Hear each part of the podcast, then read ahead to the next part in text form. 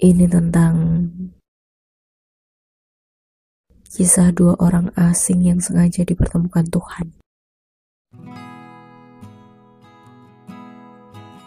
Tentang aku dan juga orang itu.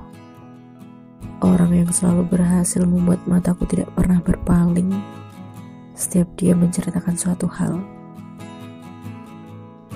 Dia juga sama. Dia mendengarku dengan teliti, juga dengan tatapannya yang kadang meyakinkanku ketika ragu. Kamu keren. Matanya berbisik. Lalu dilanjutkan dengan senyumnya yang tipis, namun sangat manis. Aku akui saja, kami jarang bertemu. Hanya sesekali di lorong itu.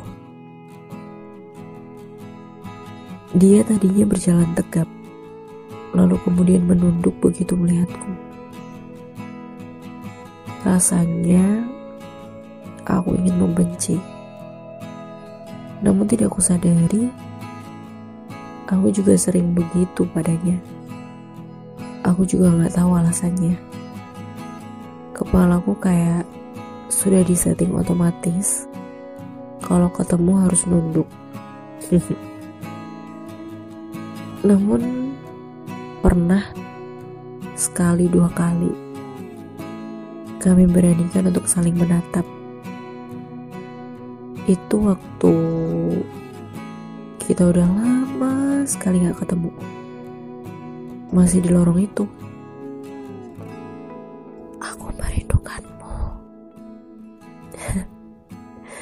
mataku mencoba berbicara padanya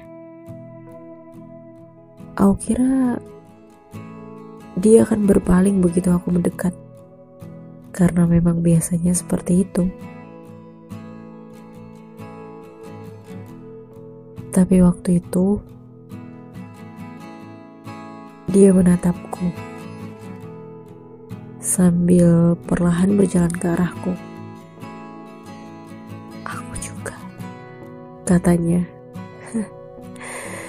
Saat itu yang aku ingin waktu berhenti saat itu aja.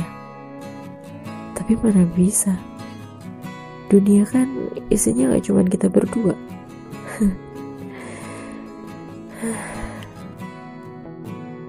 Semua itu selalu berulang. Tadinya aku pikir perasaan ini hanya perasaan biasa. Tapi lama-lama perasaan ini menjadi sangat egois. Perasaan ingin yang tidak bisa aku tolak. Tadinya juga akan ku kejar sampai dapat. Tapi rupanya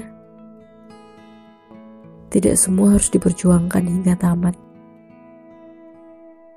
Kadang memutuskan berhenti dari awal memang sebaiknya dilakukan sebelum kekacauan yang lebih besar sulit untuk dikendalikan. Jujur saja, Aku hanya tidak ingin apa yang sudah aku tata rapi berantakan kembali. Butuh waktu yang tidak sebentar untuk itu. Memang ada baiknya kita sadar dari awal. Enggak semua yang kita temui adalah orang yang pada akhirnya akan berakhir dengan kita. Karena terkadang orang-orang yang datang pada kita hanyalah orang-orang yang semestinya memang datang menjadi tokoh pelengkap di cerita kita. Kadang hanya untuk beberapa hari, kadang juga bertahun-tahun lalu pergi. Kadang menabur luka, kadang juga sebaliknya. Dan perasaan ini aku akhirnya menjadi kagum saja. Rindu-rindu itu sebaiknya kita simpan sendiri-sendiri. Kalau memang pada akhirnya kamu menginginkan rindu itu menjadi milik bersama, aku masih ada di sini. Tapi jangan terlalu lama. Karena mungkin yang kau temui nanti sudah tidak hanya aku. Namun juga orang lain yang menginginkan rinduku menjadi miliknya.